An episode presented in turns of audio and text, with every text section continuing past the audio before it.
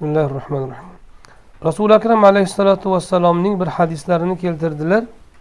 Muallif gapni boshida kitobni boshida aql egalari bo'lgan mo'minlarni ta'rifladilar. Oyati karima bilan. Ahdlariga vafo qiladilar ahdi paymonni buzmaydilar. Allohga bergan va'dalariga vafo qiladilar. Deb keldi keyin o'shanday aqlli mo'min bo'lish uchun nima qilish kerak desa kitobi sunnatga qur'oni karim va hadis shariflarga hamda mujtahid imomlarni yo'llariga ergashish kerak dedi.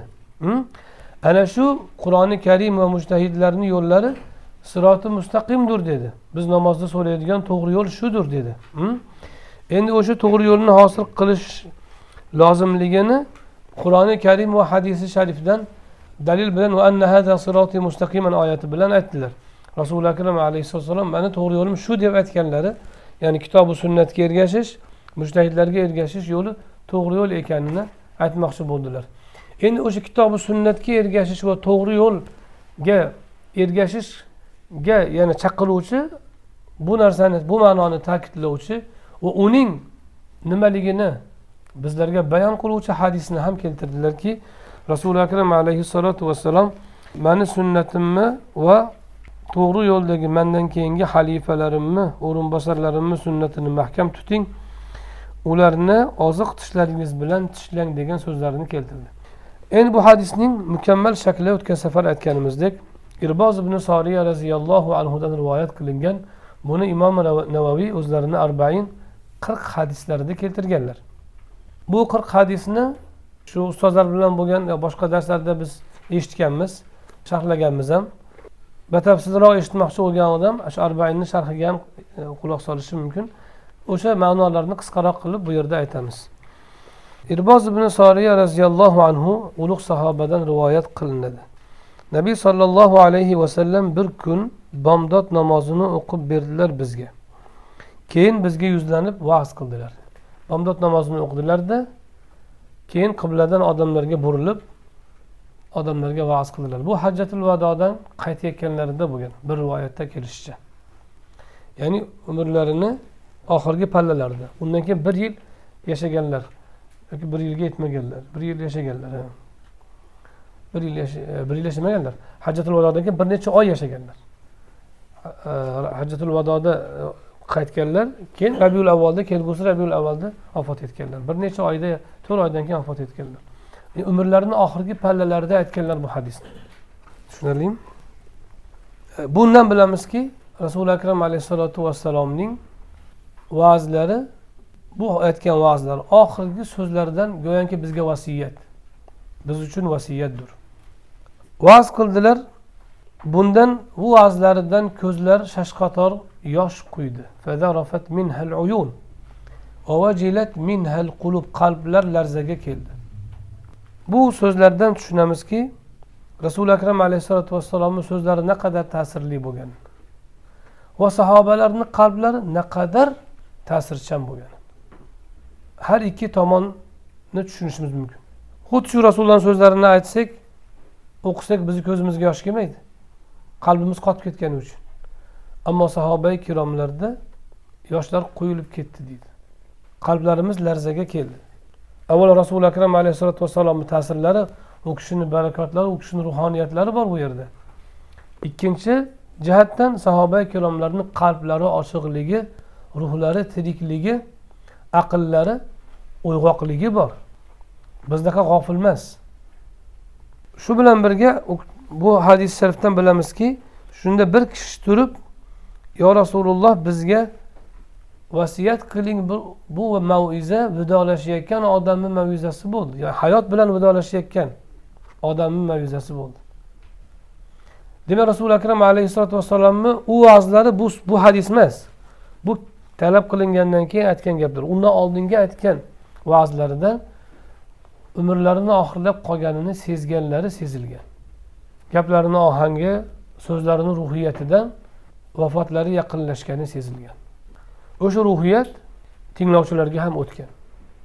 Ularni yig'latgan va ularni qalblarini larzaga keltirgan omillardan biri ham shu bo'lgan. Boshqa bir rivoyatda shu so'zni irboz ibn soliyani o'zlari aytganlar.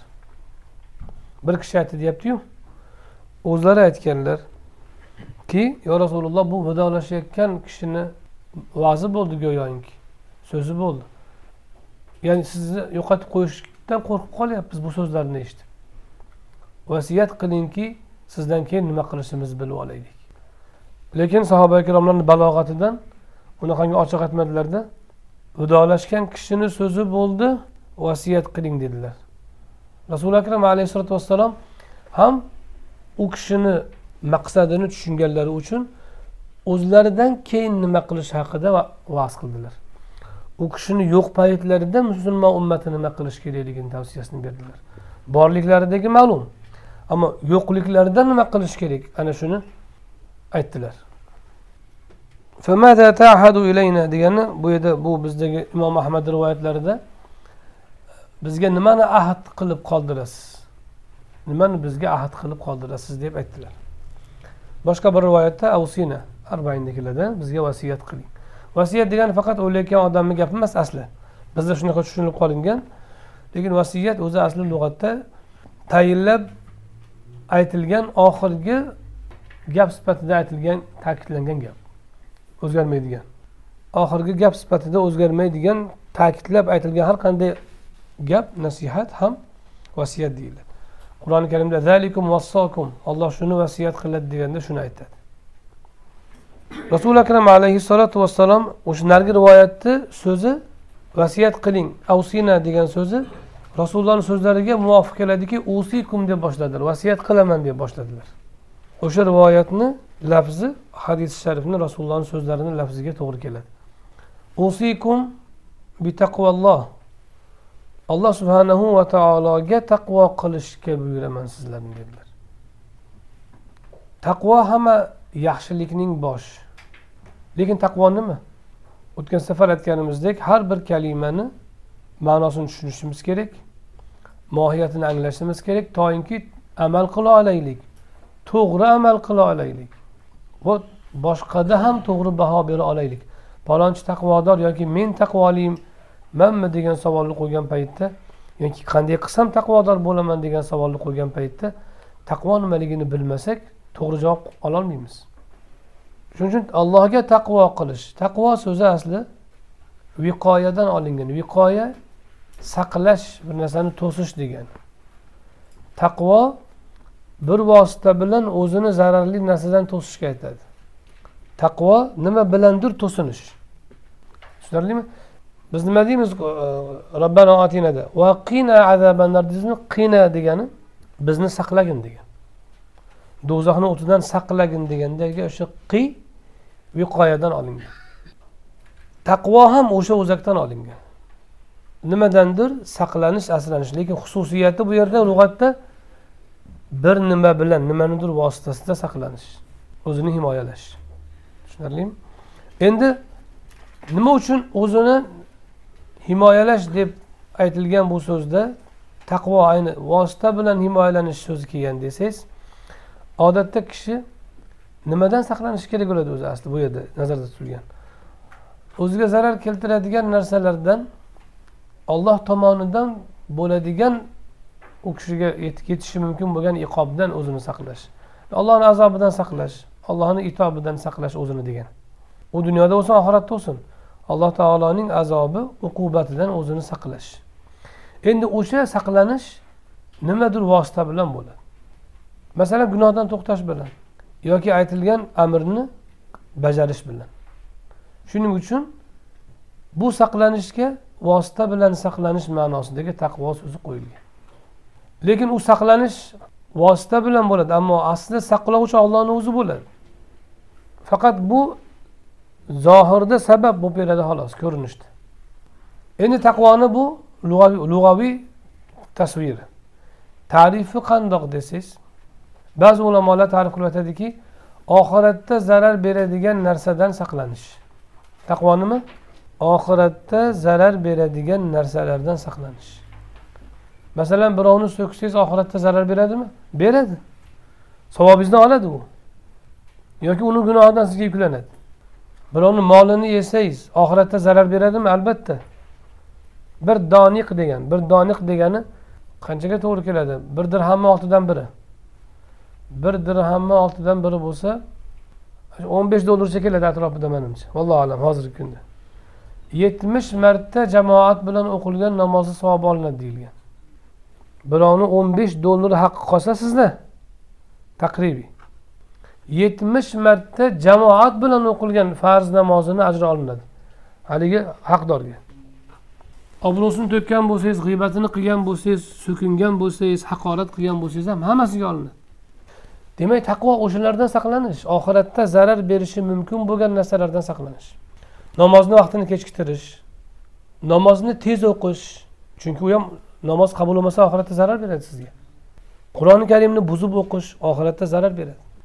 Insonga ozor berish zarar beradi oxiratda.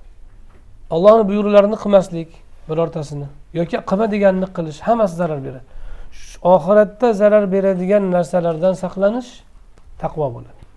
bir ta'rif endi bu nimada ko'rinadi desa abu dardo roziyallohu anhu ulug' sahobiy faqih sahobalardan aytganlarki zarra og'irligida ko'rinadi deganlar va فمن يعمل مثقال ذرة خيرا يره ومن يعمل مثقال ذرة شرا يره o'qiganlar kimiki zarra misqolicha yaxshilik qilsa ko'radi o'shani Kimiki kimiki zarra misqolicha yomonlik qilsa uni ko'radi degan olloh o'shanda zarra nima? Chumolining bolasi.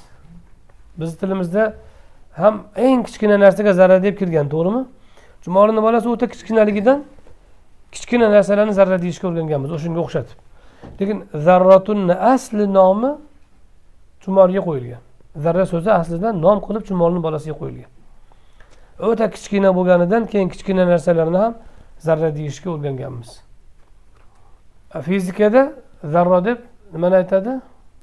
Atomni aytadi. Endi misqol nima desa og'irlik degani chumolining bolasining og'irligicha kimdir yaxshilik qilsa nima uchun og'irlik deyiladi odatda tarozi tortiladi taroziga tortiladi amal. Tarozida odatda og'irlik bo'ladi. Qanaqa tarozi bo'ladi? Olloh biladi. Hozir insonni давлениясini o'lchaydigan tarozilar bor. Havoni gradusini o'lchaydigan haroratni o'lchaydigan tarozilar bor ha? Nimani ochsangiz kompyuterni ochsangiz yozilgan masalan worddagi yozuvni sig'imini o'lchaydigan tarozilar bor. Va hokazo. Alloh biladi bandani amalini qanaqa o'lchaydi o'zi biladi. Lekin go'yoki bizni ko'zimizni oldidagi narsa tortadigan meva tortadigan tosh taroziga o'xshatyapti. O'shanda mana masalan siz chumolini o'ntasini qo'yib ko'ring. Tarozini bir pallasiga ikkinchi pallasiga bir grammni qo'ying. Kelmaydi bir gramm. Chumoli o'ta yengil jonzot bo'ladi o'ta yengil. Shuning uchun chumoli tanlangan boshqa hayvondan ko'ra. Chumoli moddasi o'ta yengil bo'ladi puftiy uchib ketadi. U bolasi emas otasi ham. Lekin o'shani bolasi mayda bolasini og'irligicha agar amal bo'lsa inson ko'radi. Shuning uchun aytiladiki nigohidan so'raladi inson. Birovga bunday tikilib qarab turgan bo'lsa o'shandan so'raladi. U gapni qo'ying amalni qo'ying ishni qo'ying. Nigohdan so'raladi. Nimaga so'raladi? O'ta tarozi nozik. Ollohni tarozisi o'ta nozik. Bu nima degani? Ollohni tarozisi o'ta daqiq degani. Yaxshilikka ham yomonlikka ham. Bitta aksa urib alhamdulillah desangiz tarozida bor shu ham bir odamni yuziga ko'rishganda assalomu alaykum desa va alaykum assalom deganingizga alohida ajr. Tabassum qilib qo'ysangiz tabassumga alohida ajr bo'ladi. O'sha labingizni bir santimetr kerilib qolgani ham tarozida turadi. Labingiz bir santimetr ochilib qoladiyu ichingiz ozgina tabassumda. Bir santimetr labingiz cho'zilgani tarozida turadi. Boshqa amallarni qo'yavering. Abu dardo nima deyaptilar roziyallohu anhu? Taqvo nima desa taqvo misqoli zarrada ko'rinadi deyaptilar. Nima degani u?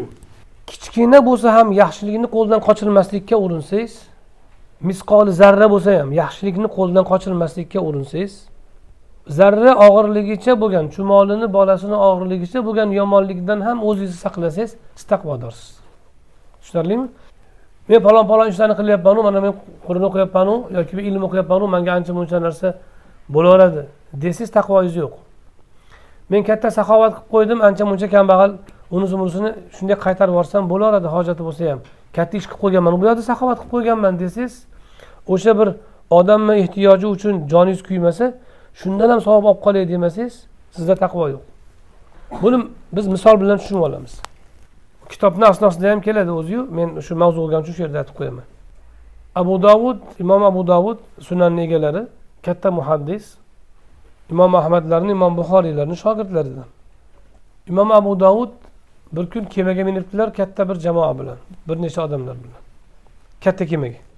Kema sohildan chetlanib uzoqlashgan paytida sohilda turgan bir kishi aksi urib qoldi.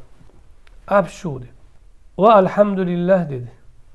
Hamd aytdi mo'minni haqqi shuki oltita haqqini sanaganlarida bir hadisda haqlaridan biri aksa ursa unga javob aytish tashmid deymiz. Yarhamukalloh deb qo'yish. Alloh senga rahm qilsin. Va u keyin yadikumulloh olloh seni hidoyat qilsin deb qo'yadi. O'shanda abu davud alayhi rahma yarhamukalloh desalar eshitilmar ekan chunki o'rtada kema uzoqlashib ketgan mavj ko'tarilib ketdi. O'sha yerda bir kichkinaroq qayiqni oldilarda bir dirhamga ijaraga orqaga qarab suzib tushib qolib kemadan. Borib haligi odamga yarhamukalloh deb keyin qaytib keldilar. Shunga ovora bo'lasizmi? deganda aytdilarki ajab emas duosi ijobat bo'lsa dedilar. Ya'ni olloh seni hidoyat qilsin desayu o'sha odamni duosi ijobat bo'lsa man man hidoyat topib qolsam qani endi? O'sha kecha kema ahli bir joyga to'xtab uxlashayotganda g'oyibdan sado keldiki abu dovud bu kuni jannatni bir dirhamga sotib oldi degan. Biz bu yerdan nimani olamiz? Abu dovudni taqvosini nimada taqvosi bor? Zarracha yaxshilikni qo'ldan qochirmaslik zarracha savobni qo'ldan qochirmaslik yarhamukallohdan ajr olish imkoni bormi? O'shani oladi. Yahdikumulloh degan birovni duosidan imkon bormi? Shuni oladi bo'lmasa abu dovud kim? Imom abu dovud muhaddislarni imomlaridan. Faqih umrini hadis sharifga sarflagan sunnati nabaviyaga butun borlig'ini tikkan odam. Man yillar ilm o'qidim va kitoblar yozdim. Va kitoblar hozirgacha o'qiladi. Biz ham o'qiymiz hozirgacha. Ming yildan beri kitoblari musulmonlar o'qib keladi. Rasulullohni sunnatlariga xizmat qildim man kechalari uxlamasdan. Bitta endi yarhamukalloh qolsa qolibdida demagan. Balki o'shani ham qo'ldan chiqarmaslikka uringan. Mana shu holat bo'lsa kimdaki? O'sha odam taqvoli. Yaxshilikni qo'ldan chiqarmaslikka kichkina bo'lsa ham. Bu yana bir narsani ko'rsatadiki o'zini amallarini ko'rmayotganini ko'rsatadi. Agar bizga o'xshab o'zini amalini ko'radigan bo'lsa o'sha bilan kifoyalanadi. Va kichkina hasanotlarga qaramay qo'yishi mumkin. Bizga o'xshab. Mana shu taqvo. Shuning uchun payg'ambarimiz alayhissalotu vassalom la tahqiranna minal ma'rufi shay'an. Ma'ruf yaxshi ishdan biror bir narsani kam sanamagin deganlar. Chunki bilmaysiz najotingiz qaysi birida. Endi muqobilida zarracha yomonlikdan saqlanish. Abdulloh ibn muborak u kishi ham katta muhaddis va faqihlardan hazrati imomni shogirdlaridan. Shomda hadis yozibdilar. Hadis darsida. Shu shu yerda keyin qalamlari sinib ketganmi bir narsa bo'lgan bir odamdan qalamni ishlatib turishga qalamingizni berib turing deb bu qalam ham bizni qalamlardaqa bir siyohi bo'lmaydi quruq yog'och bo'ladi. Keyin siyohga tekizib yoziladi o'shani qo'ygan. Quruq yog'och xolos qamish xolos. Cho'pak yarim qarish bir qarishlik xolos. Shuni olibdilarda hadisni yozib darsdan chiqib xurjunga solib ketaveribdilar. Safar tugab qaytibdi ham esiga kelmabdi. Maruvga kelgan paytlarida bundoq qarasalar xurjundan haligi qalam chiqib ketibdi birovni qalami. Birovni haqqi manda qolib ketibdi deb maruvdan bilmadim bir oyda kelganmi u yerga safarda? Tuyada otda yurib. Orqaga qaytib falastinga borib haligi qalamni egasiga berib kelgan ekan. Birovni bir cho'pakchalik haqqi ham qolmasligi zarracha yomonlikni ham zimmasida qoldirmaslik mana bu taqvo shu. Imom buxoriy alayhi rahma buni boshqa yerda ham aytib berdik. Abu mashar degan kishiga aytyaptilarki ey abu mashar haqqingni halol et mani kechirgin. Abu mashar hayron nima uchun? Nima bo'ldi? Bir kun man hadis aytayotgan edim. Hadisni zavqidan sen tebranib chaypalib qolding boshlaringni qimillatib shunda man senga bir kulib tabassum bilan qarab qo'yganman. Shuning uchun kechirgin deydi o'zi tabassum qilish o'zi asli sadaqa hadis sharifda kelgan yaxshilik. Lekin imom buxoriyni qo'rqqan narsasi o'sha tabassum ko'rinishida kulgan kulib qaraganlar tabassum qilib qaraganlar. Lekin qo'rqqanlari shuki bu abu mashlarni bir haligi harakatlanayotganiga uni past sanab qaragan bo'lib qolmadimikin degan xavf bor. O'sha xavfdan qo'rqib abu mashar bilgani ham yo'q o'zi aslida o'zi bilan o'zi band edi u. Indamasdan ketaveradigan narsa. Imom buxoriyni qarang o'shancha haqni ham birovni ma'naviy haq hali moddiy emas. Ma'naviy shunchalik haqqini ham qoldirmasligi shu taqvodan shu abu dardo roziyallohu anhuni gaplari shu. Taqvo nimada ko'rinadi? Zarra og'irligidagi amallarda ko'rinadi. Nimasida? Yaxshisida yomonida. Yaxshisiga o'ch bo'lib yomonidan ehtiyot bo'lishda ko'rinadi. Endi o'zicha farzdan keyin sunnat o'qimay ketaveradigan beparvo kishilar o'zini taqvodor sanayotgan bo'lsa aldanayotgan odamlar bo'ladi. Yana boshqa sunnatlarga yoki boshqa amallarga beparvo bo'lib palon amalni qilyapman men amal qilyapman deb o'zini katta sanaganlar o'sha amallar hammasi habada bo'lgan bo'ladi. Va ular taqvodan o'ta uzoq insonlar bo'ladi. Demak allohga taqvo qiling. Allohni uqubatidan o'zingizni saqlab qoling degan. Hamma ishni boshi shu. Agar siz zarracha yaxshilikdan ham qolib ketmaslikka urinsangiz zarracha yomonlikka ham qo'l urishdan saqlansangiz dunyoda sizda yaxshi odam bo'lmaydi o'zi. Agar odamlar shunday bo'lsa jamiyat shunday bo'lsa u jamiyat o'zi jannatda yashaydi asli. Dunyoni o'zi jannat bo'ladi u kishilarga. Shuning uchun hamma ishni boshi taqvo bo'lgani uchun birinchi shuni aytdilar. Rasuli akram alayhissalom birinchi bo'lib buni ma'nosi nima? Sizlar agar mandan keyin qanday yashayin desanglar birinchi ollohga bo'lgan aloqanglarni to'g'rilanglar deyaptilar. Birinchi olloh bilan bo'ladigan aloqani to'g'rilanglar ana undan keyin keyingi nasihatga o'tdilar. Aytdilarki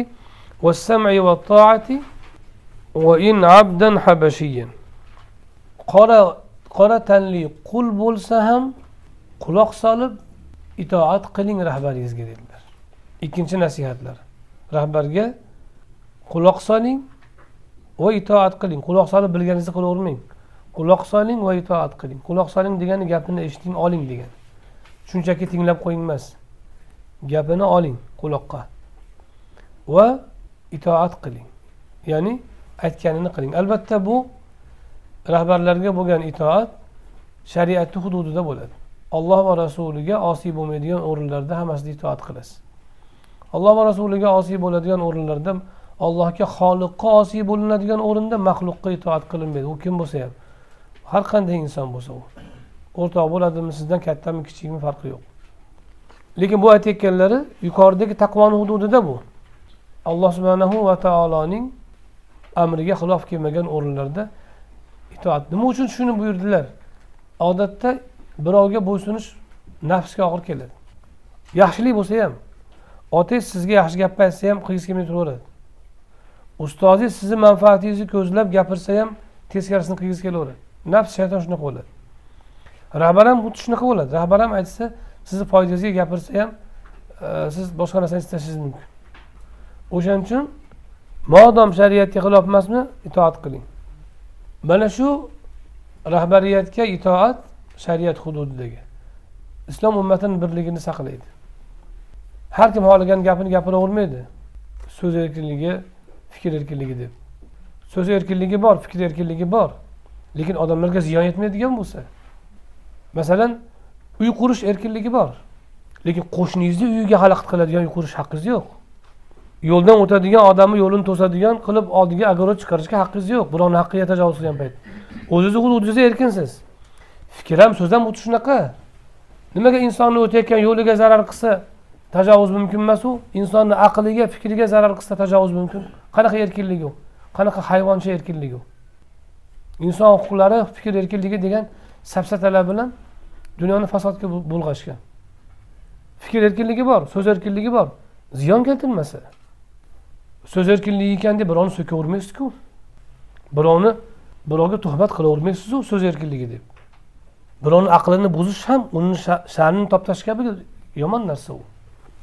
shuning uchun aqlga ziyon keltiradigan insoniylikka odamiylikka ziyon keltiradigan ma'lumotlarni tarqatish ham u fikr erkinligi bo'lmaydi u u insoniyatga tajovuz bo'ladi u.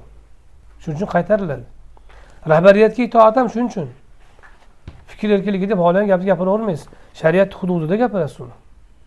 Shariat hududi inson manfaatlarini himoya qiladi. Shaxs miqyosida ham jamiyat miqyosida ham insoniyat miqyosida ham. Faqat shaxs miqyosida himoya qilsa u inson jamiyati hayvon jamiyat bo'ladi. Ana shu insoniyat miqyosida jamiyat miqyosida himoya qilgani uchun rahbaring modomiki shariat hududida ekan. Shariat inson manfaatlarini himoya qilar ekan senga yoqmasa ham quloq solib itoat qil degan agar shunday qilmasa ixtilof chiqadi. Va katta zarar keladi. Mana arab bahorini ko'rdinglar. Erkinlikka erishamiz deb undan ham battar qiyinchilikka tushdi ko'plab mamlakatlar. Oldingi yashayotgan hayotini orzu qilyapti hozir. Biror yutuqqa erishishgani yo'q. Ana shunday vasvasalar bo'lmasligi uchun payg'ambarimiz alayhissalotu vassalom bu nasihatni aytib qo'yganlar shunga amal qilganimiz uchun talofat ko'ryapmiz o'sha yerlarda. Bu madaniyat islom madaniyati hisoblanadi. Rahbarga o'zidan kattaga o'zini boshlig'iga itoat qilish madaniyat islomni birligini tinchligini ummatni taraqqiyotini kafolati bo'lib kelgan bu endi nima uchun bu gapni aytdilar dedilar biz matnda من يعش منكم بعدي فسيرى اختلافا كثيرا chunki mendan keyin yashaganlaringiz orangizda ko'p ixtiloflar ko'radi dedilar mendan keyin yashaganingiz deyishlaridan ixtilof yashaganlarni orasida chiqadi deganlardan tez kunda chiqadi. Masjiddan oylarda chiqadi degan u. Ixtilof deb nimani aytamiz? Ixtilof turlilik kelishmovchilik bilan. O'zi asli fiqni istilohida xilof boshqa ixtilof boshqa. Ixtilof turlilik.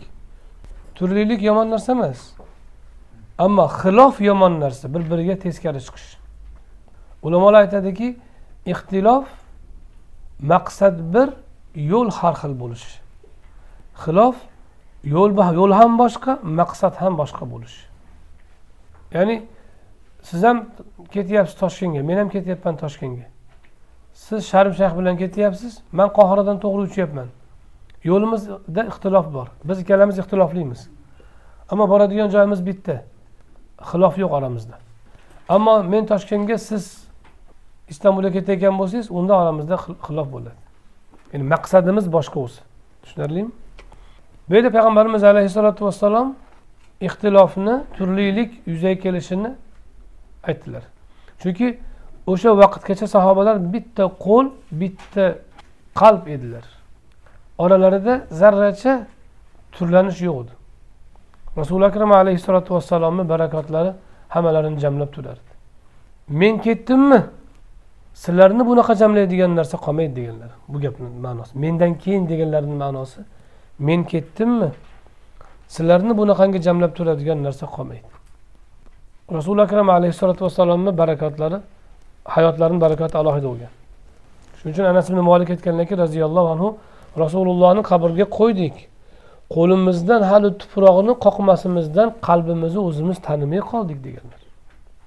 Rasululloh bir chiroq edilar bir quyosh edilarki hammani munavvar qilib turardilar hammani qalbini bir xil porlatib turardilar. Hali qo'limizdan qabrlarini tuprog'ini qoqmasimizdan ankarna qulubana qalbimizni o'zimiz tanimay qoldik. Oldingi qalb emas bu. Ixtilofni ham ixtilof ko'radi deb qo'ymadilar ko'p ixtilof ko'radi dedilar. Turlilik ko'payib ketadi. Ho'p o'sha ixtilof chiqqan paytda nima qilish kerak degan savol tug'iladi. fikr erkinligi deb hamma xohlaganini gapirsinmi yoki tashqaridan biror tomondan yordam olaylikmi desa aytyaptilarki faalaykum bi sunnati sunnatimni tuting dedilar وسنة الخلفاء الراشدين المهديين من بعدي mendan keyingi roshid to'g'ri yo'ldagi mahdiy hidoyat qilingan xalifalarning sunnatini tuting Mana shu matnda sunnat nima degan? Xalifa kim degan savollar tug'iladi. Sunnat masalan biz bilamiz namozni sunnati deb bilamizda peshinni sunnati. O'sha o'sha ma'nodagi sunnatlarmi bular? Yoyinki ba'zi kishi aytadiki salla kiyish sunnat yoki poychani kichik qilish sunnat yoyinki falon kiyimni kiyish sunnat yoki o'ng o'ng tomonni qo'yib yonboshlash sunnat yotganda. Hm? Yoki shu sunnatlarni aytiladimi mo'ylabni kalta qilish soqolni uzun qilish sunnat masalan. Yoyinki boshqa misvak tutish sunnat yoki shu sunnatlarni aytiladi qaysi sunnatda aytiladi desangiz sunnat deganda farz vojibdan keyingi turadigan sunnat u faqihlarni istilohidagi sunnat. Uni tarifi qat'iy bo'lmas qat'iy bo'lmagan talab bilan talab qilingan. Bajarilishi qat'iy bo'lmagan holda talab qilingan amallar. Shariatda bajarilishi qat'iy talab qilinmagan talab qilingan ammo qat'iy bo'lmagan holda talab qilingan narsalar. U nazarda tutilayotgani yo'q bu yerda. Yoyinki usuliylarni istilohi. Rasuli akram alayhissalotu vassalomga nisbat berilgan so'z ish harakat va taqrirlar. Taqrir degani e'tirof ya'ni xo'p deyishlar bir narsaga. Ishlari rasulullohga nisbat berilgan. Ishlar yani rasululloh undoq qildi bundoq qildi peshinni sunnatini o'qidilar falon qildilar degani yoyinki aytgan so'zlari undoq qiling bundoq qiling undoq bo'lsa yaxshi bundoq bo'lsa yomon degan gaplar. Yoki taqrirlari birov qilsa indamaganlar. U ham o'sha narsani to'g'riligini ko'rsatadi. Bu usuliylarni nazdidagi sunnat. Endi ahli hadis va siyratni nazdidagi sunnat nima? Rasuli akram alayhissalotu vassalomga nisbat berilgan so'z ish harakat taqrir xuddi usulilarniki qo'shimchasi ham bor. Xalqiy va xulqiy sifatlar.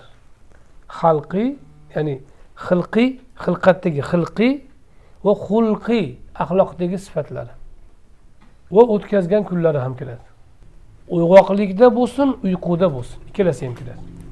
Tushlari ham sunnatiy ichiga kiradi bu ahli hadisni nazdidagi endi aqida ahlini nazdidachi aqida ahlini nazdida rasuli akram alayhissalotu vassalom keltirgan e'tiqod masalalari va sahobalarning e'tiqodlari sunnat deyiladi. Ahli sunna deganda rasulullohning va sahobalarining aqidalariga ergashganlar degani bo'ladi. Biz ahli sunnamiz deb qo'yamizmi? Bu ahli sunnamiz deganni ma'nosi aqidamiz e'tiqodimiz ya'ni e'tiqod masalalarida rasululloh va sahobalarni yo'lini tutganlar degan ahli sunna. Bu atama sahobai ikromlarni yo'llaridan og'gan aqidaviy toifalar chiqqan paytda ulardan ajratish uchun sunnatni tutgan aqida sunnatdagi aqidani tutgan musulmon ummatini katta jamoasiga shu ism qo'yilgan ahli sunnat val jamoa deyilgan odatda xilofat va ummatning aksari shu ahli sunnada bo'lgani uchun bular jamoat deb asosiy musulmon ummati degan ma'noda jamoat deb aytilgan. Boshqalar kichkina kichkina to'dalarga aylangan uni muqobilida sunnatga xilofligi bilan va jamoatdan ajraganligi bilan. Katta qismdan ajraganligi endi bularni qaysi birini aytyaptilar sunnat bu yerda? Sunnatimga ergashing deganlar. Bu yerda hammasini o'z ichiga oladigan mutlaq tariqani aytyaptilar sunnat degani asli tariqa degani yo'l yo'nalish degani asli lug'at. Bu yerda o'sha lug'aviy ma'nosini aytyaptilar yo'nalish meni yo'nalishimni olinglar. U yo'nalishni ichiga aqida masalasi ham kiradi fiq ham kiradi farzi ham kiradi vojibi ham sunnati ham kiradi axloq ham kiradi ruhiy tarbiya ham kiradi. Zikrlar ham muomala savdo sotiq oldi ber hammasi kiradi dunyoqarash ham kiradi dunyoni rasululloh qanday ko'rganlar? Bori hayot dunyo deb ko'rganmilar? Yo hayot oxiratu asli hayot bu yer tayyorgarlik vaqtinchalik tayyorgarlik yeri deb ko'rganmilar? Mana shu dunyoqarash ham sunnat. Kimiki agar shu dunyoda abadiy qoladigandek harakat qilayotgan bo'lsa pul to'plashga yoki sarflashda yoki muomalalarida u odamni dunyoqarashi sunnatga xilof bo'ladi. Mani yo'nalishimni tutinglar dedilar. Alaykum bi sunnati mani yo'nalishimni tutinglar. Mana shu sunnat so'zini ko'pchilik o'zini fahmida tushunib olib kimdir o'sha zavoid sunnatlarni mahkam tutgan u shunga urg'u beradi sunnatga ergashyapman deb o'ylaydi. Kimdir aqidada sunnatga ergashayotgani bilan kifoyalanadi. Kimdir masalan fiqda aytilgan sunnatlarni ko'proq qilish bilan sunnatni bajaryapman deb o'ylaydi. Bu tushunchalarni hammasi noqis bo'ladi. Bu bu fanlar keyin paydo bo'lgan. O'shaning uchun bularni atamalari ham keyin paydo bo'lgan. Ammo lekin bizga o'sha atamalar o'rnab qo'ygan. Lekin hadis u atamalardan oldin vorid bo'lgan oldin aytilgan. Sof arab lug'atida aytilgan o'sha lug'at bo'yicha tushunilishi kerak. Uni keyingi fuqarolarni yoki keyingi ulamolarni istilohiga o'tkazib qo'yish xato bo'ladi. U fanlardagi istilohlar har bir fanni vazifasidan kelib chiqib qo'yilgan. Faqih nimani o'rganadi? Amallarni tavsifini o'rganadi. O'shaning uchun o'shanga qarab baho beradi. O'shanga qarab ta'rif beradi. Muhaddis yoki siyrat ulamosi nimani o'rganadi?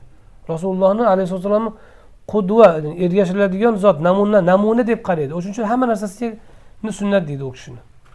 O'tirish turishlaridan tortib hammalari ammo usuli ya'ni shariat hukmlarini ishlab chiqadigan olimlar ular nima bilan qaraydi? Ular rasulullohni ollohni rasuli ekan nuqtai nazaridan qaraydi. Shuning uchun u kishiga shariat bo'lib kelgan narsalarnigina sunnat deydi. Shariatga kirmagan alloh taolo vahiy bilan aytmagan o'zlarini odatlaridan kelib chiqib qilganlarini sunnat demaydi. O'ng tomonni qo'yib yotish masalan salla kiyish misol uchun. Bu odat odatiy qilgan ishlarini sunnat demaydi faqihlar usuliylar chunki ular vahiy bilan kelgan risolat nuqtai nazaridan o'rganadi rasululloh alayhissalom bu kiyimlar payg'ambarlikdan oldin ham bo'lgan keyin ham bo'lgan. Payg'ambarlik davrlarida musulmonda ham bo'lgan munofiqda ham bo'lgan mushrikda ham bo'lgan. Ammo u kishiga vahiy bilan yuborilgan narsalarni xossatan o'rganadi usuriylar hammasi o'zini mavzusidan kelib chiqib o'rganadi ammo rasuli akram alayhissalotu vassalom aytgan bu so'z u ayni lug'atni so'zi mani yo'nalishimni oling sunnatimni tuting mani tariqamni tuting. Unga hammasi kiradi yuqorida aytganimizdek. Yana buni tariqa deb tushunishimizdan bilamizki sunnatga ergashish rasuli akram alayhissalotu vassalomni o'zlaridan hikoya qilinmagan narsalarda ham sodir bo'lishi mumkin. Masalan payg'ambarimiz alayhissalotu vassalom misvak tutganlar cho'pak bilan og'izlarini tozalaganlar aroqni yaxshi deb maqtaganlar. Asli mazmuni nima? Og'izni xushbo'y qilish va oppoq tutish. Asli mazmun shu. Siz endi hozir misvakda qilmayapsizda. Tish pastasi bilan oddiy cho'tka bor hozir chiqqan shu bilan tozalayapsiz. Sunnatga ergashyapsizmi ergashyapsiz sunnat ado bo'ladimi ado bo'ladi. Sunnatdan maqsad u og'izni shu bilan kavlash emas maqsad og'izni tozalash. Nima bilan bo'lsa ham. Qo'llarini najosat tegib qolsa tozalash uchun yerga ishqalaganlar. Ishqor uchun. Chunki sovun bo'lmagan. Siz ham hozir yerga chiqasiz kerakmi sunnat deb? Yo'q. Siz sovunni yuvasiz kifoya qiladi sunnatni ado qilgan bo'lasiz. Sunnatni fahmi shunaqangi buzilganki sunnatga amal qilyapman degan kishilarni nazdida sunnatga xilof holatga yetgan. Ularni rasulullohni tariqalarini olish kerak. Ayni amalni ham oling. Lekin ayni amalni o'rnini bosadigan ba'zi narsalar o'zgarsa sharoitga qarab xuddi misvok majunga o'zgargani kabi. Yoki tuproq sovunga o'zgargani kabi. O'shani qilavering chunki maqsad boshqa narsa. Maqsad cho'pak ishlatish yoki yerga qo'lni ishqalash emas maqsad poklanish. Poklanishni hosil qiluvchi har qanday vositani tutishingiz mumkin. Shuning uchun tariqani tuting deganlari shu. Yangi masalalar hosil bo'ldi. Misol uchun savdoda savdoni yangi turlari hosil bo'ldi. Yoki yangi bir odatlar odamlarni orasida paydo bo'ldi. Shuni rasuli akram alayhissalotu vassalomni sunnatlariga solishtirib ko'ring. Xilof bo'lmasa o'sha sunnatni maqsadiga to'g'ri kelsa qilsangiz sunnatga ergashayotgan bo'laverasiz ayni amal sunnatga kelmagan bo'lsa ham. Modomiki shariatni maqsadlariga muvofiq bo'lsa uni o'zini qoidalari bor. Har kim qilolmaydi uni mushtahid qiladi uni o'sha odam sunnatga ergashayotgan bo'ladi. Shuning uchun sunnatimni tuting deganlari men qilgan amallarni va shu amallar yo'nalishini tuting degan. Va sunnatil xulafai roshidin roshid xalifalarning mendan keyin sunnatini tuting. Birinchidan xalifa kim degan savol tug'iladi. Xalifadan murod kim? Rasuli akram alayhissalotu vassalomni o'rinlarini bosuvchilar. U kishini o'rinlarini kim bosadi? Avlodlarimi? Yoyinki olim sahobalarimi? Yoyinki o'rinlariga hukmdor bo'lgan abu bakr siddiq hazrati umar roziyallohu anhu kabilarmi uchala qavl ham bor. Xalifadan murod. Lekin bu yerda aynan rasuli akram alayhissalotu vassalomni o'rinlariga qolgan xalifalar nazarda tutilgan. Ko'proq. G'olib. Lekin o'sha xalifalar nimasi bilan shu maqomni olgan? Nima deyapti rasululloh? Mani sahobalarimni sunnatiga ergashing demadilar.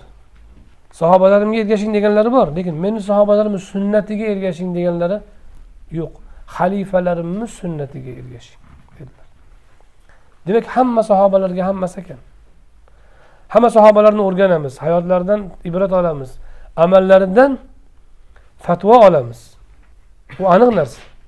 Lekin sunnatini o'zimizga to'la sunnat qilib olishimizchi nimaga xalifalarni aytdilar desa ixtilofni kesish uchun gapirayotganlari yuzasidan. Qachon ixtilof kesiladi? Rahbarga ergashilganda. Turlilik sahobalarda ham bo'ladi. Shu paytda ixtilof hozir ixtilofni kesish uchun gapiryaptilarmi? Shuning uchun xalifalarni sunnati muhim turadiki chunki xalifalik ixtilofni e, qozi yoki xalifa ixtilofni kesadi. Masalan bir masalada ikkita fatvo bor. Kelasi ham fatvo. Ikkalasida ham asos bor shariatdan. Qaysi birini olishni amir aytadi. Bo'ldi ikkinchisi bekor bo'ladi. Endi savol tug'iladiki rasuli akram alayhissalotu vassalomni sunnatlarini ho'p tushunamiz u chunki vahiy bilan ma'sum. Nimaga xalifalarni sunnatiga ergashishimiz kerak? Shuning uchun mana shu jumlani ba'zi bir bidatofiyaga berilgan kishilar bor. Bidatofiya o'sha odamlar mana shu jumlani zaif deydi. Meni sunnatimga ergashing uni mahkam tuting deganlar xolos. O'rtadagi xalifalarimiz sunnat degan joy zaif deydi. Lekin undoq emas. Imom bazzor va ko'p muhaddislar sahih imom e, termiziy ham hasan sahih deganlar bu hadisni hasan deganlar. Va boshqa ulamolar ham bu jumlani kamida hasan deyishgan. Chunki bir birini quvvatlaydi. Bitta bitta tariqada zaif bo'lishi mumkin. Lekin bir birini quvvatlaydi. Ko'pgina turuvdan keyin. Ko'pgina yo'l bilan keyin. Va butun ummat ulamolari tobiinlardan tortib hammalari buni qabul qilishgan. Bu jumlani qabul qilishgan. Fiq kitoblarida ham fatvo kitoblarida ham hadis kitoblarida ham hamma fanda ko'rasiz bu jumlani ulamolar qabul qilishgan. Musulmonlarni to'qson foizini bidatchiga chiqarishga ishqiboz bo'lgan kalta fahmlargina buni mahkam ushlaydi keyin. Bu so'z yo'q deyishga o'tadi. Sanadi nuqtai nazaridan hasan darajasiga chiqqanligini aytgan bo'lsa ulamolar. Ammo qabuliyat nuqtai nazaridan hamma qabul qilgan ulamolar.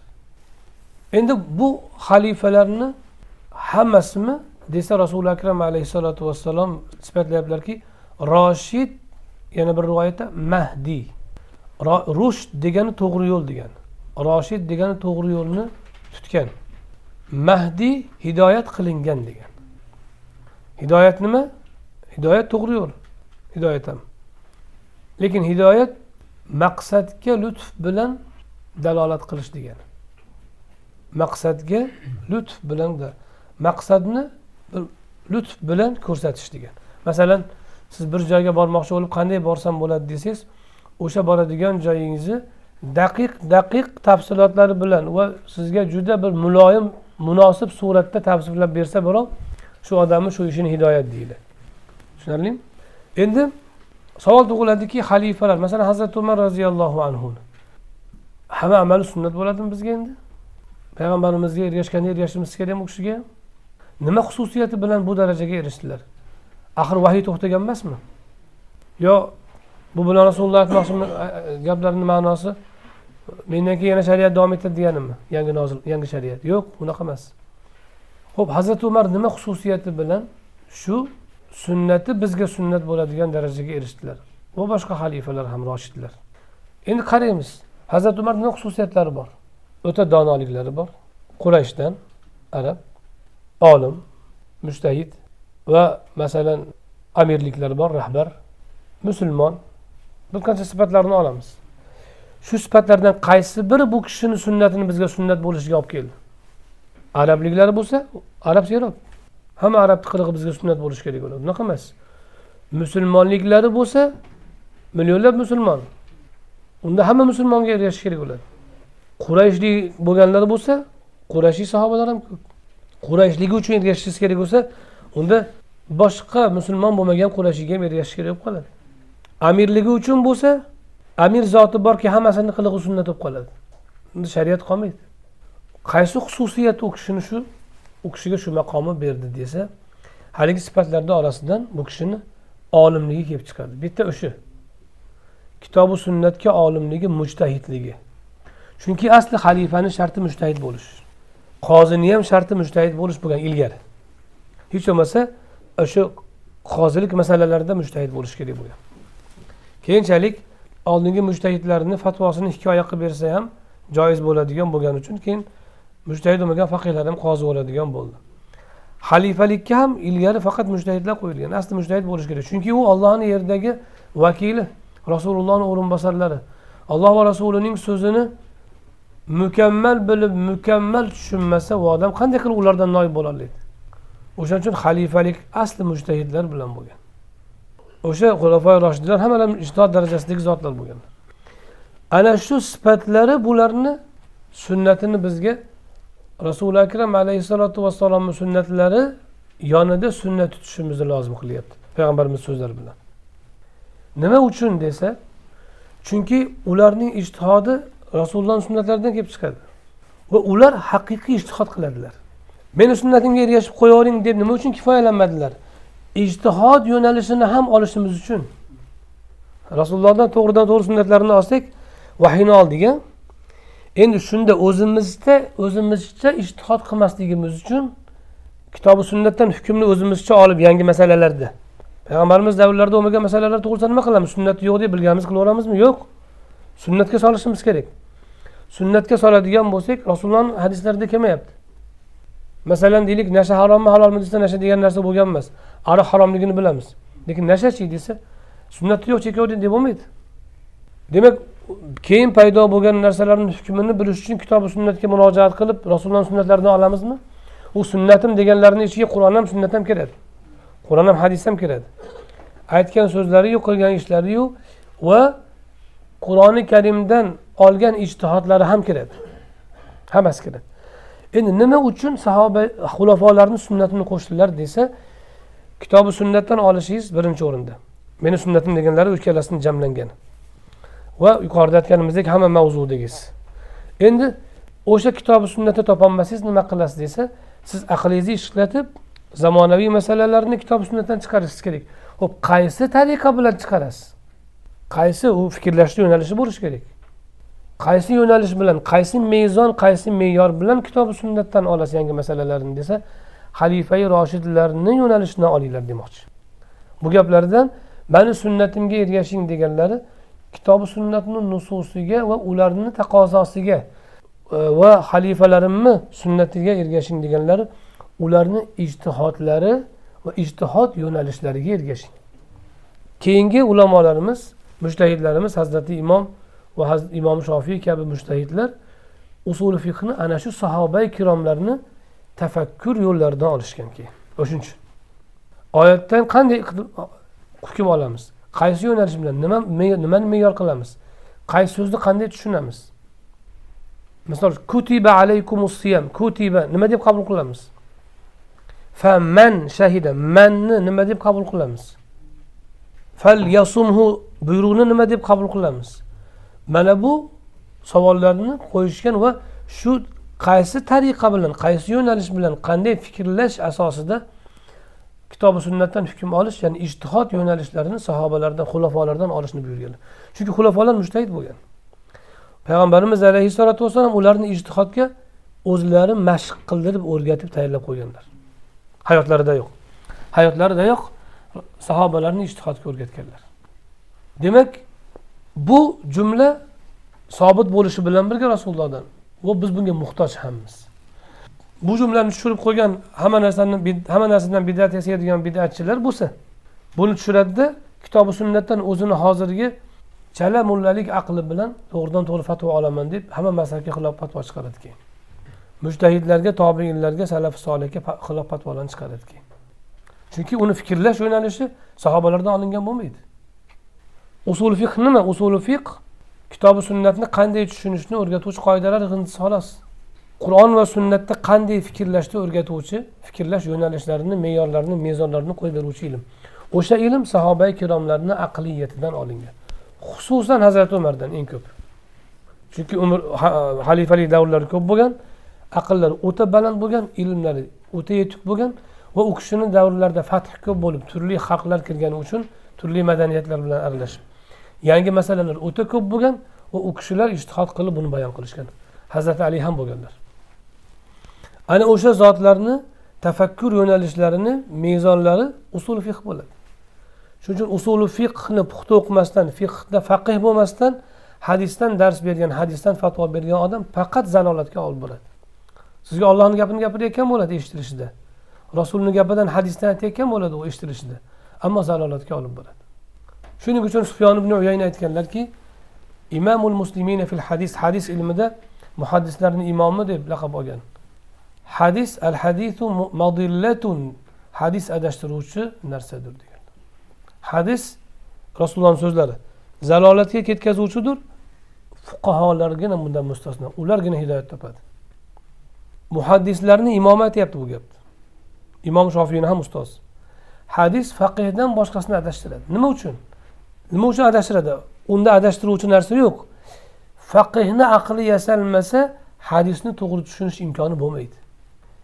Afsuski bu mana shu hadis.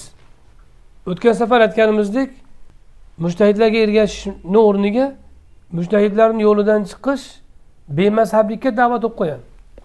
Bu ham o'sha faqih emasni gapirganida ibn uyaynani gaplaridek faqih bo'lmasdan hadisga kirishganidan shu hadis bilan odamlarni zalolatga olib ketadi. Mana shu hadis bilan. Holbuki bu hadis hidoyatni mayog'i. Agar ummat bu hadisga to'la amal qilganda hozirgacha bo'linmasdi. Rasuli akram alayhissalatu hamma narsani ochib qo'yganlar. Aytganlaridek boshqa bir hadislarida man sizlarni shunday bir yo'lga tashlab ketyapmanki tuni ham kunduzidek yorug' deganlar. Zulmati yo'q. Bu yo'ldan halokatga mahkum badbaxtgina adashadi deganlar. Ya'ni baxti qaro odamgina. Illa halik halokatga ketuvchi odamgina adashadi.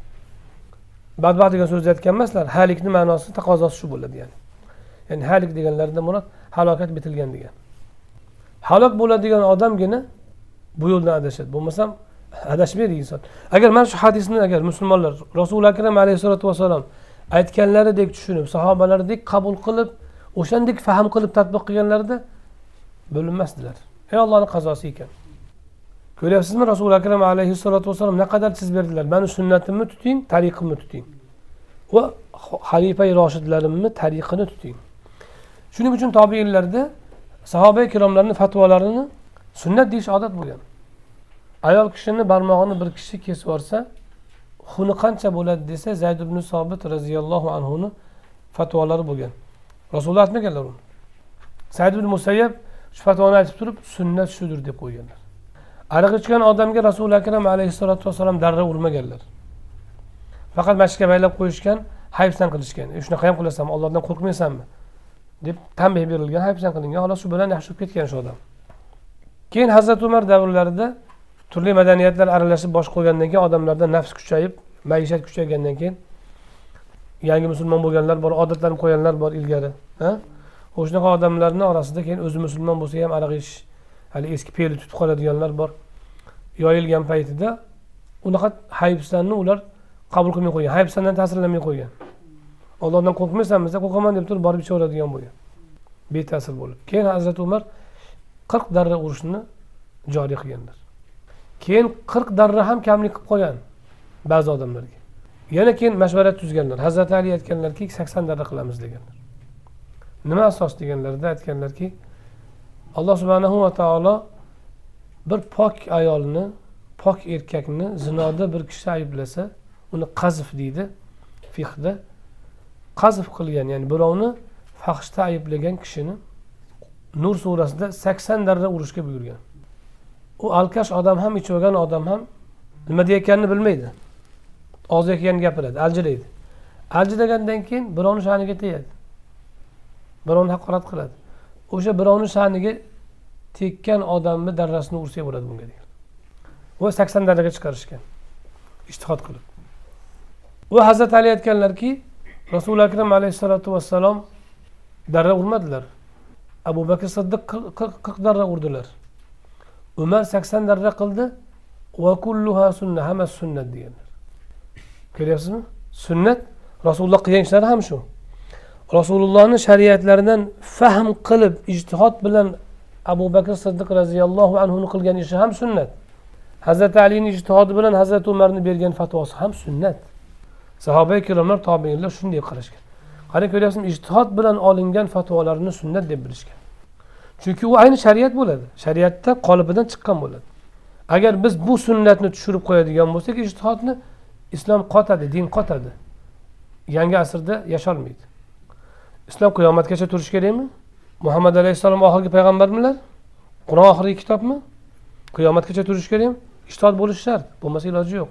Bo'lmasa o'ladi ikkalasi ham. Sunnat ham qur'on ham o'ladi o'sha ijtihod taqozo qilgan sunnat hukmlar sunnatni zimniga kiradi. Demak xalifalarni sunnatiga ergashing deganlarida xalifalarni shunchaki odatlariga demabdilar. Ularni qaysi xususiyatlari ularni sunnati amallarini sunnatga aylantirdi? Ijtihodlari. Demak qiyomatgacha ijtihod mujtahidlarga ergashish kerak bo'ladi. Agarchi u amir bo'lmasa ham.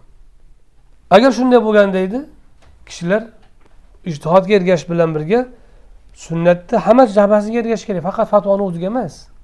Sunnatni o'ziga ergashasiz asliga sahoba ikromlarni sunnatlariga ya'ni ularni fatvolariga ergashasiz odatlarga. Chunki ular shariatni tadbiq qilib ko'rsatib beradi. Tadbiq qilish uslubini ijtihod yo'nalishini beradi bizga. O'shandan olmasak biz agar kitobi sunnatdan to'g'ridan to'g'ri ololmaymiz. Kitobi sunnatni ular yashab bergan ulardan olishimiz to'g'ri bo'ladi. Chunki qanday tadbiq qilishni rasululloh ko'rsatganlar ijtihodni ko'rsatganlar. Ana ularni yo'nalishlari mujtahidlar orqali ulamolar orqali davom etib kelyapti. O'shanga o'sha silsilaga ergashgan kishi sunnatni tutgan bo'ladi. Undan chiqqan odam yangi yo'l yasasa ana shu keyin sunnatdan chiqqan bo'ladi. Shuning uchun rasuli akram alayhissalotu vassalom aytdilarki tamassaku biha. Bu yerda roshid deganlari ham shunga dalolat qiladi. To'g'ri yo'lni kim kim ko'radi? Olim ko'radi. Amir emas. Roshid deyayotganlarini ma'nosi nima? To'g'ri yo'lni ko'ruvchi nima bilan ko'riladi to'g'ri yo'l? Ilm bilan ko'riladi. Amirlik bilan emas. Mahdiy so'zini ham qo'shganlar. Hidoyat topgan. Nima uchun uni qo'shganlar? Deyilsa o'sha rivoyat sobit bo'lgan holatda. Ijtihodda ilhom ilhom ham tadbiq ham kerak bo'ladi. Ya'ni ijtihod qilguvchi va ijtihodlari tadbiq qilinadigan ollohdan hidoyat oladigan ya'ni solih mujtahidlar yoki vali mujtahidlar desa ham bo'ladi. Mahdiy degan olloh tomonidan hidoyat qilingan degan. Ijtihodlari tadbiq qilingan kishilarga ergashinglar. Xalifalarim orasidan deganlar bo'ladi. Har qanday xalifa hammas ekan demak. Keyin aytdilarki tamassaku biha buni mahkam tuting qanaqa mahkam tutaylik? Navajiz deb orqadagi oziq tishni aytadi. Eng orqadagi oziq tishlar borku o'shaning bilan tishlang bunday deyishlaridan murod mahkam tuting degan. Qo'yib yubormang birov ololmasin degan. Odatda odam oldi tishi bilan tishlasa tortib olsangiz chiqadi. Ammo oziq tishi bilan tishlangan narsani tortib olib bo'lmaydi. Shuning uchun polvonlar ham toshni ko'tarmoqchi bo'lsa oziq tishi bilan tishlaydi moshinani tortmoqchi bo'lsa oziq tish bilan tishlaydi oldi tish bilan emas. Oziq tish bilan tishlangan narsa chiqmaydi. U tishlang deganlaridan murod nima? Shunchaki amal qilib yuravermang mahkam tuting. Yana murod nima? Hali tortadiganlar chiqadi o'shani og'zingizdan qo'yib yubormang degan. Ixtilofdan chiqishni yo'li shu. Endi shu hadisni ba'zi bir odamlar noto'g'ri fahmlab voizlardan bittasi gapirib sunnatimga ergashing dedilar. Falon ulamoga ergashing dedilarmi? Falon mazhabga ergashing dedilarmi?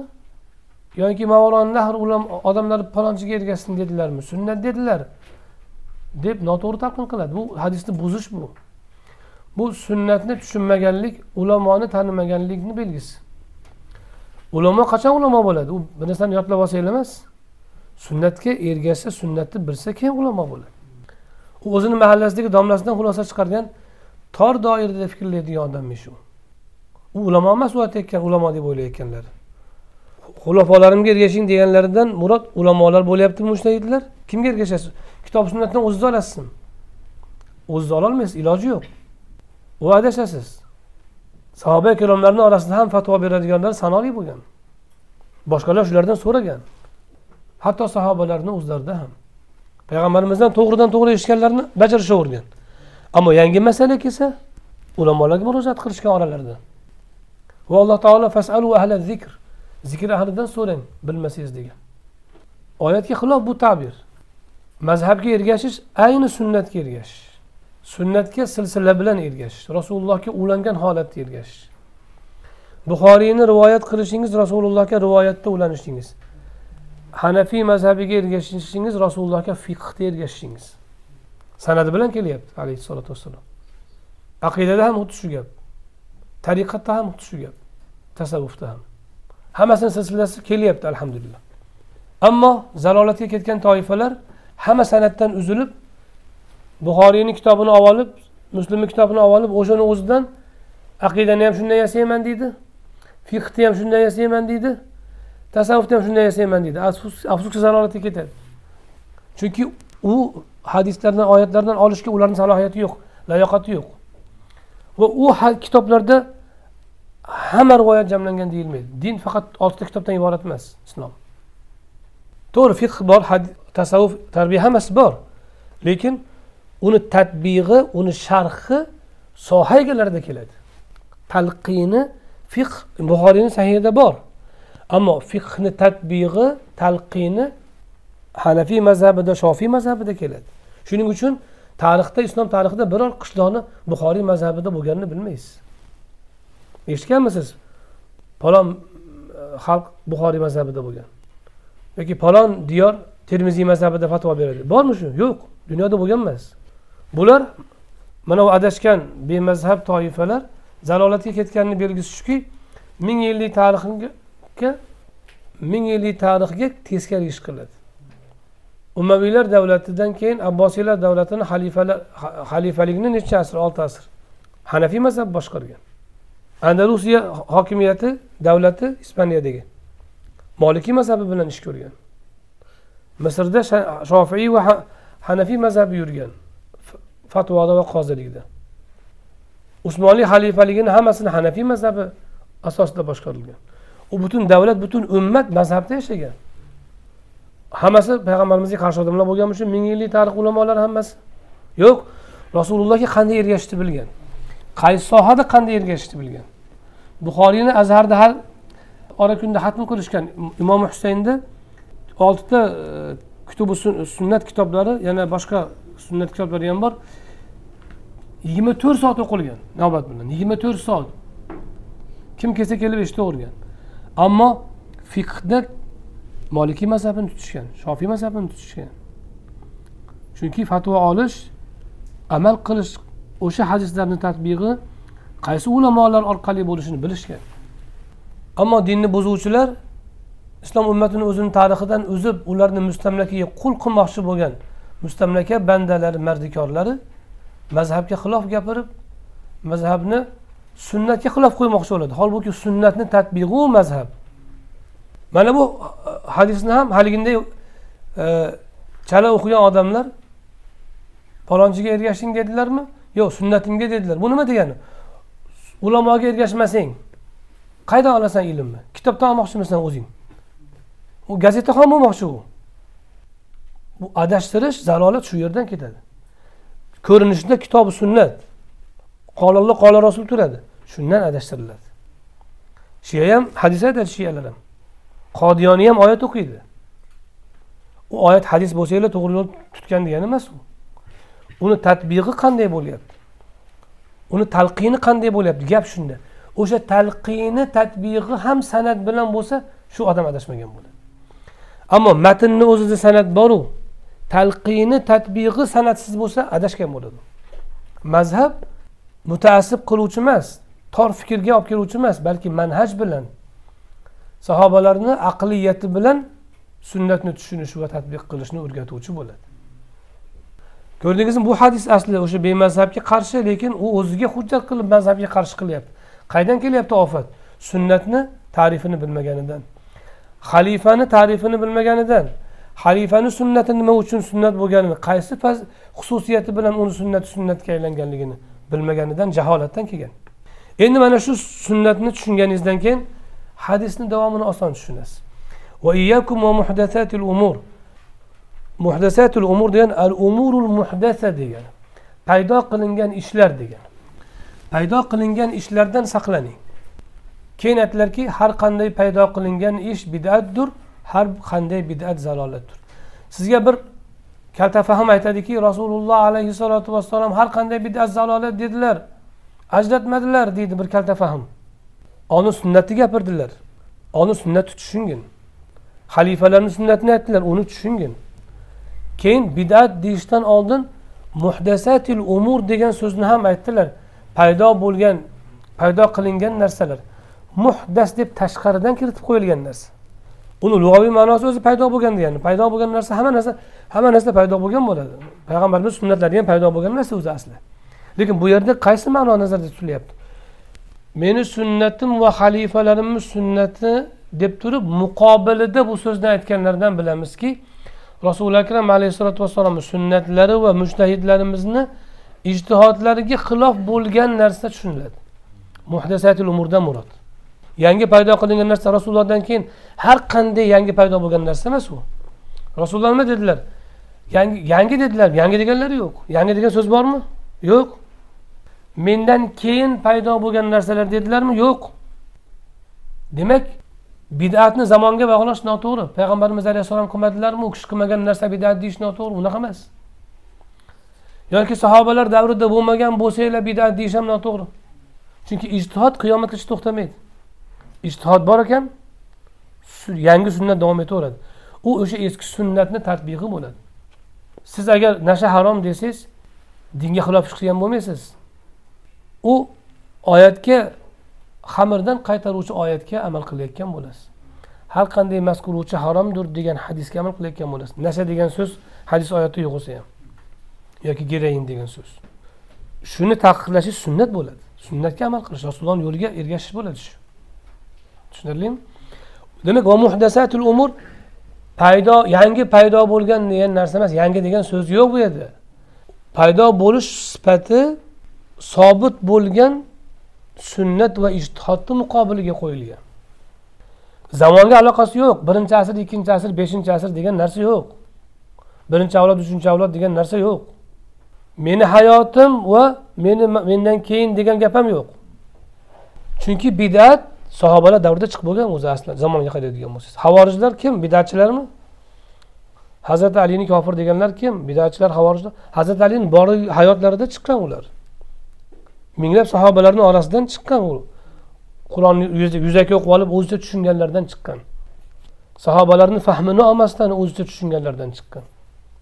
Shuning uchun inil hukmu illa lillah hukm faqat ollohnikidir degan davo bilan hazrati alini kofir qilishgan paytda hazrati ali kalimatu haqqin yuradu bihal batil haq gap inil hukmu illa lillah lekin iroda qilingan ma'nosi botil bular noto'g'ri taqdim qilyapti deganlar bidat nimadan kelib chiqqan sahobalarni fahmidan chetlanishdan kelib chiqqan agar mujtahidlarni fahmidan chetlansangiz bilingki bidatdasiz xotirjam bo'ling va muhdasatil umurdan murod nima ekan kitobi sunnat va mujtahidlarni ijtihodidan tashqariga chiqish. U zamonga aloqasi yo'q. Endi o'sha muhdas nima u desa o'sha bidat u.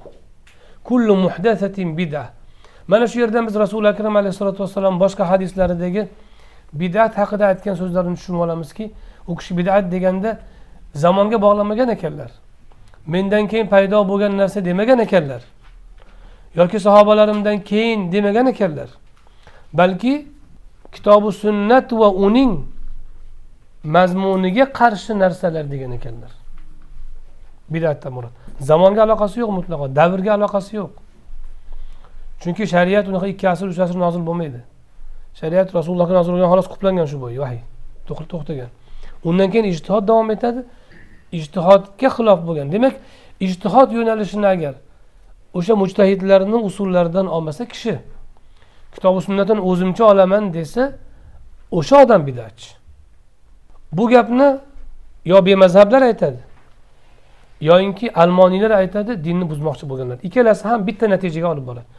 Unisi ham kitobi sunnatdan o'zim olaman deydi fiqni qoralaydi fuqarolarga tosh bunisi ham mazhabga ergashish mutaassiblik biz kitobi sunnatga ergashamiz olloh va rasuli turgani kimga ergashamiz biz daliliga qaraymizda bu ham o'shani ishini qiladi. Ikkalasi almoniy bilan bemazhab bitta natijaga olib boradi. Dinni buzish sunnatdan chiqarish bid'atga olib kirish. Bitta natijaga olib boradi. Aqidada ham shu fiqda ham shu tasavvufda ham shu axloqda ham. Shuning uchun siz tasavvufni ham san'at bilan oling. Fiqhni ham san'at bilan oling. Kelyapti alhamdulillah ummat. Hadisni ham san'at bilan oling aqidani ham san'at bilan oling. Shundagina rasulullohni alaykum bi sunnati degan so'zlarga ergashgan bo'lasiz ammo rivoyatni o'zidan olaman desangiz adashasiz chunki rivoyatni o'zidan olishga sizni faqihlik sharti bo'lgani uchun layoqatingiz yetmaydi sizga bitta zaif hadisni aytib bersa ham qabul qilaverasiz. Bu hadis sahiy desa sahiy desa ham qabul qilaverasiz. Natijada siz aytasizki abu hanifa mana bu hadisga erishgan ekan u zaif o'zi mana uni teskarisidagi hadis sahiy ekan. Mana falon kitobda turibdikan meni domlam aytdi deysiz. Siz domlangizga ergashayotgan bo'lasiz. Mujdahidni qo'yib mujdahidni qo'yib ijtihodga haqqi yo'q chala mullaga ergashayotgan bo'lasiz.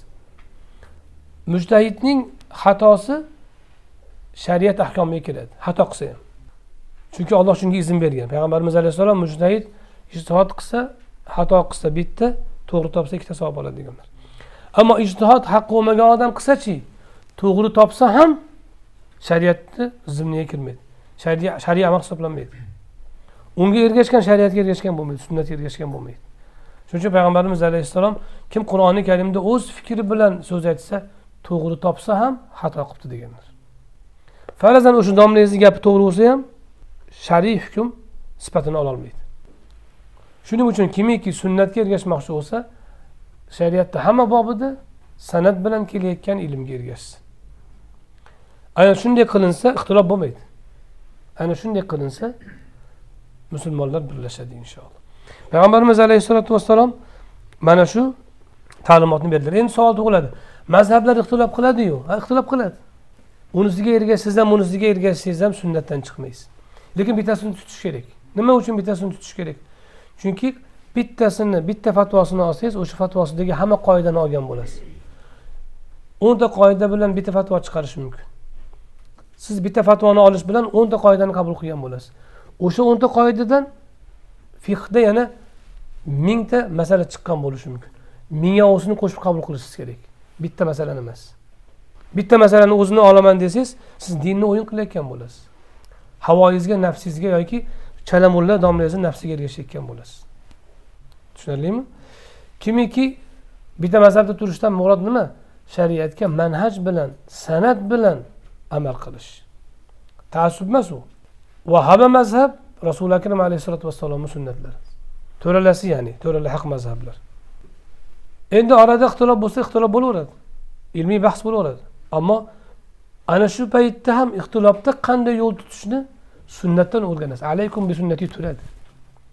Sahoba ikromlarni orasida ixtilof bo'lganda qanday yo'l tutganlar?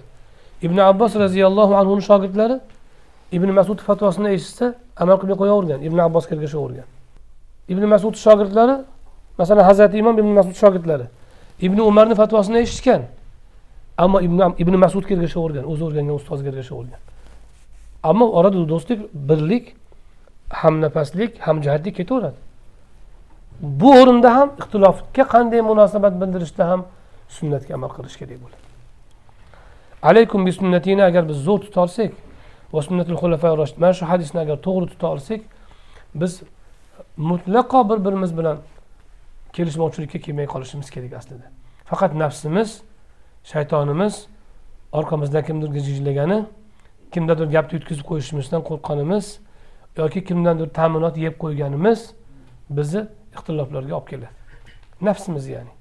alloh o'zi isloh qilsin mana bu hadisni qisqacha sharhi shu yana alloh subhanava taolo tavfiq bersa keyin yana bu to'g'rida ham bu mavzular gaplashiladi inshaalloh alloh taolo o'zi manfaatli qilsin hammalarimizga o'zi tavfiq hidoyatni bardavom aylasin سبحان ربك رب العزة عما يصفون وسلام على المرسلين والحمد لله رب العالمين